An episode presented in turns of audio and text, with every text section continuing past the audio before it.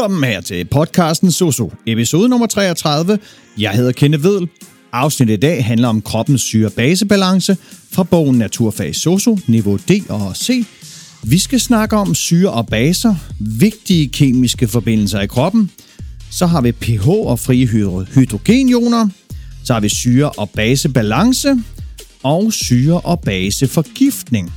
I det her afsnit så vil vi udforske, hvad der sker i kroppen, når der opstår en ubalance i syrebasebalancen, og hvordan kroppen kompenserer for det. Vi vil også se på nogle af de almindelige årsager til syre-base-ubalance, og hvordan de kan behandles. Kroppens syre-base-balance. Jamen, vi skal jo snakke om det, og hvordan øh, ubalance i denne balance kan føre til sygdomme. Hvad er syre og base, og hvordan fungerer pH-skalaen? Vi skal høre om kroppens mekanismer til at regulere syrebasebalancen og hvilke grundstoffer og atomer, der er involveret i processen, og så skal vi se på, hvad der forårsager en syre- eller baseforgiftning.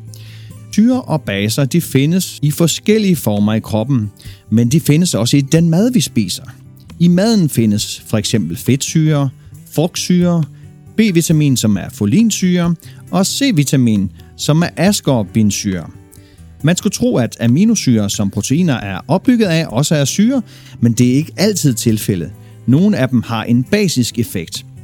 Inden vi ser på syre og baser i kroppen, skal vi lige have defineret, hvad syre og baser det er. En syre er et molekyle eller en ion, der kan afgive en eller flere hydrogenioner, H+. En base er et molekyle eller en ion, der kan optage en eller flere hydrogenioner, H+. Så har vi pH og frie hydrogenioner. pH er et udtryk for surhedsgraden i en væske og måles i en skala fra 0 til 14. pH det angiver, hvor stor koncentration af frie hydrogenioner der er i en væske. En væske er sur, hvis der er mange hydrogenioner, og basisk, hvis der er få hydrogenioner pH-skalaen er logaritmisk, hvilket betyder, at koncentrationen af hydrogen bliver 10 gange mindre, hver gang pH-værdien stiger med 1. Forholdet mellem syre H+, og baser OH- det påvirker også pH-værdien. I en syre er der flere hydrogenioner end hydroxidioner, mens det omvendte gælder for en base. Ved hjælp af logaritmefunktionen så kan man beregne pH-værdien ud fra koncentration af hydrogenioner. Logaritmefunktionen den bruges også til at beskrive sammenhængen mellem forskellige faktorer og er nyttig, når man arbejder med store eller små tal. Så har vi lidt om syrebasebalancen i kroppen, for det har betydning for kroppens mange processer. Det er afgørende, at pH-værdien i blodet ligger mellem 7,37 og 7,43, da ellers så kan cellernes arbejde blive hæmmet eller helt stoppet så kroppen har forskellige muligheder for at rette op på forholdet mellem syre og baser, hvis det bliver skævt, herunder buffersystemer som eutrocyterne, lungerne og nyrerne. Buffersystemerne holder styr på pH-værdierne i blodet, og eutrocyterne transporterer CO2 i blodet. Lungerne sørger for, at CO2 det udskilles fra kroppen, og nyrerne hjælper med at regulere syre-basebalancen. Eutrocyterne transporterer CO2 i blodet, så når næringsstoffer fra maden bliver forbrændt i cellerne, så bliver der jo dannet H2O og CO2 som affaldsstoffer. Og vandet bliver let optaget i blodet, men kuldioxid det er en gas, som skal føres til lungerne, så den kan blive udluftet, det vil sige komme ud af kroppen. Hvis der er for store mængder af gas i blodet, vil de danne bobler, som blokerer de små blodkar. Derfor kan CO2 ikke blive ført med blodet til lungerne, og det bliver stedet omdannet til kulsyre i eutrocyterne. Når kuldioxid kommer ud i kapillærerne, diffunderer det ind i eutrocyterne. I eutrocyterne omdanner enzymet kulsyre anhydrase, H2O og CO2, til kulsyre. Kulsyre afgiver hydrogenionet og bliver hermed omdannet til basen bikarbonat. Bikarbonat bliver frigivet til plasmaet, hvor det er med til at skabe en svag basisk pH. Hydrogenionerne binder sig til hemoglobinet i det røde blodlæme. CO2 kan nu blive transporteret til lungerne som enten kulsyre eller bikarbonat. Når eotrocyterne befinder sig i kapillærerne omkring lungernes alveoler, så foregår den modsatte proces. Bikarbonat optages i eutrocyterne fra plasmaet, Bikarbonat optager hydrogenioner og bliver dermed omdannet til kulsyren H2CO3. Kulsyren spaltes til H2O og CO2, og kuldioxiden CO2 diffunderer fra plasmaet til alveolerne, hvor ekspirationen bringer det væk fra kroppen. Nyrerne de hjælper også med at regulere syrebasebalancen, for her udskiller de hydrogenioner, der er i overskud, og derfor er urinens pH 6, det vil sige let sur. Det sure miljø i urinen det sikrer, at bakterierne ikke så let kan formere sig. Og nyren de kan også regulere, hvor meget af basen bikarbonat de udskiller, og derfor har nyren også betydning for syrebasebalancen. Så for at forstå, hvordan nyrerne kan regulere syrebasebalancen, skal man vide, at nyrerne blandt andet udskiller overskydende og uønskede væsker og stoffer fra blodet over i nyrekanalen. Og denne proces den kaldes filtration og sker i bagmands kapsel. Det, der udskilles, kaldes præurin og udgør en meget stor mængde væske. Nyrerne de trækker stoffer tilbage igen fra nyrekanalen og over i blodet, hvis der alligevel er brug for dem. Denne proces kaldes reabsorption.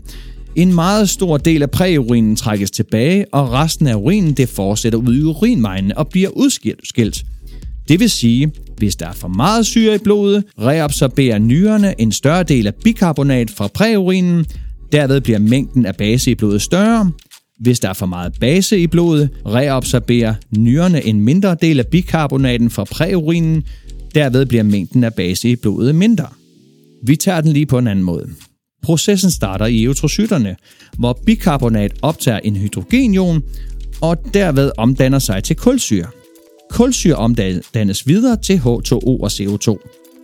H2O og CO2 kommer over i nyrekanalens tubulus, altså væggen, det vil siges over i tubulicellerne, hvor det bliver omdannet til kulsyre. Kulsyren afgiver en hydrogenion og dermed bliver til bikarbonat. Hydrogenionen bliver pumpet ud i nyrekanalen og bliver dermed en del af præurinen. For at sikre balancen af positive ioner i tubulicellerne optages natrium fra præurinen. Den bindes til bikarbonat og bliver til natriumbikarbonat.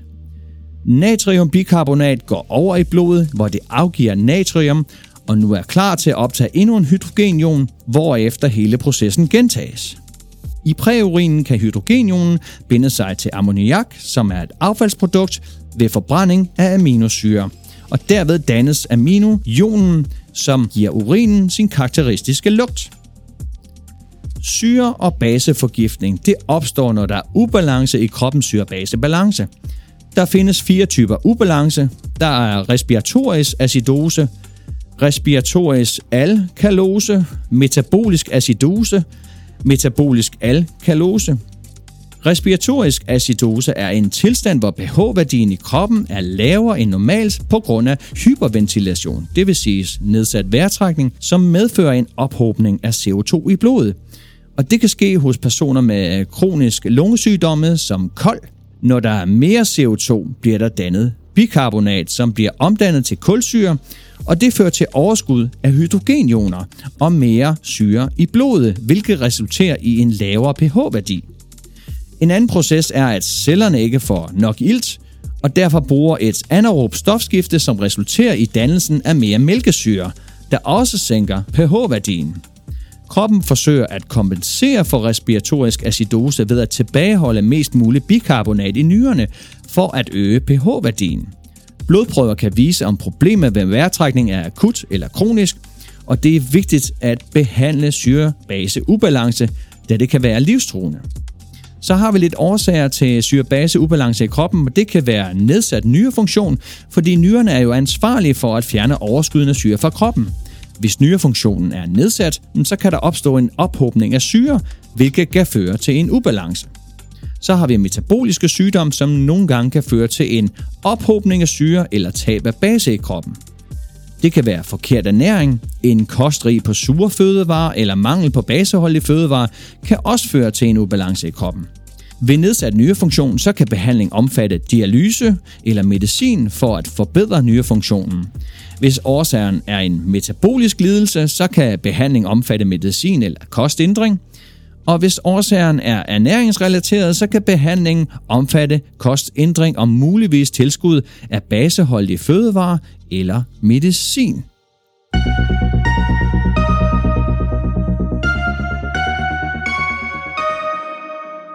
Det var alt om kroppens syre- og basebalance.